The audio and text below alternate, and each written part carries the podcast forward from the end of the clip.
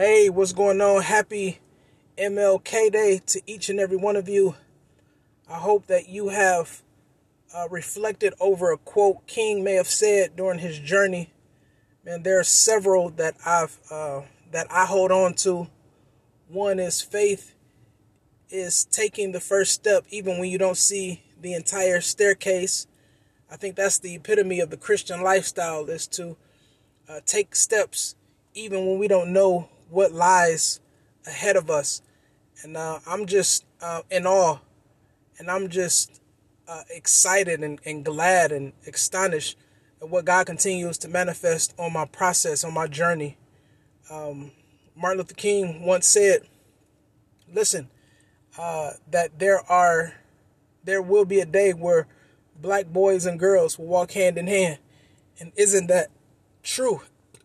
Today, I think we see more so than ever unity. And it's and let me let me let me let me be let me be frank. There is a lot of division. There is a lot of racism that still permeates.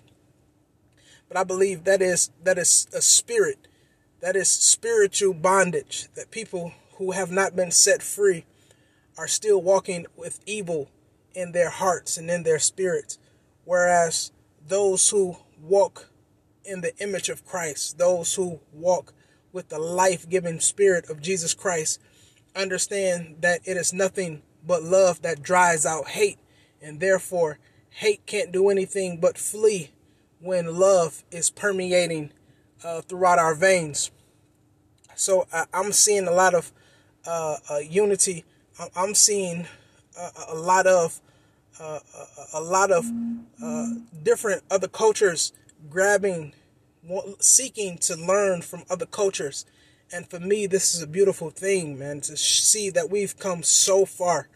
And we still have far to go. Let me not um, misinterpret that or don't get don't misread that that that that that that pretext there is a, a long way for us to go, but I am now seeing in my 30 plus years of living um, various cultures aligning themselves. And I think this is what's needed for the kingdom, the kingdom of God to go forth.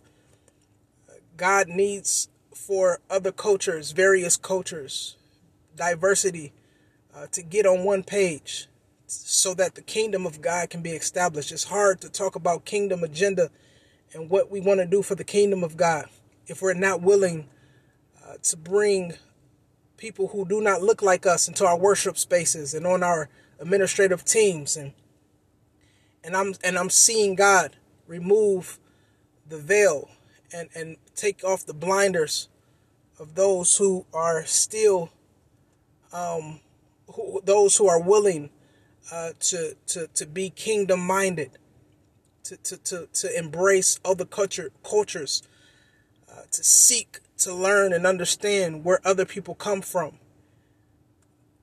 Let me say it. We, let me say it again. We have a long way to go.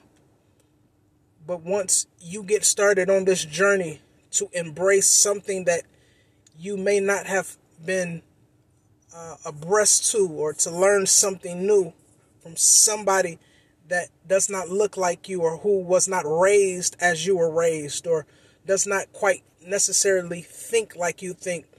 Um, I think once we get past the surface of that and begin to go deeper in our relationships with people, I believe the Holy Spirit can work greater works when hand in hand begins to touch and we begin to learn and, and begin to out of what we're learning and out of our experiences, we bring them together and we be, begin to allow our minds uh, to, to, to think creatively and innovation comes forth to where we start strategizing and we can then think of ways to impact the kingdom of God, to not just impact communities, but impact the cities that we are in. And not just the cities, but I believe God is a God of the world, the universe, that we can impact other states and other countries.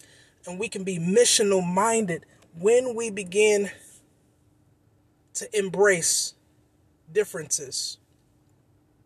We don't necessarily have to agree.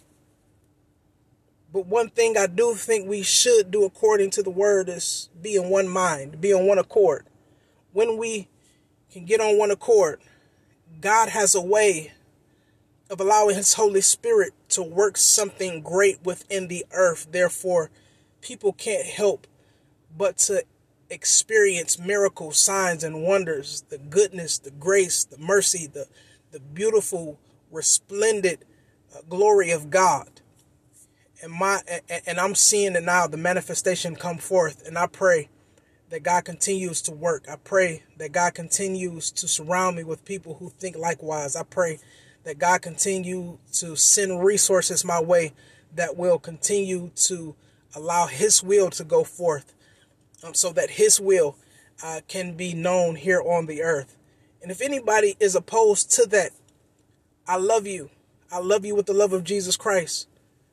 But I have to go forth with Jesus on my side. Peace and blessings to each of you. I pray that you embrace your strengths, celebrate the differences of someone else, and that you will continue to go and flow in the love of God. Peace.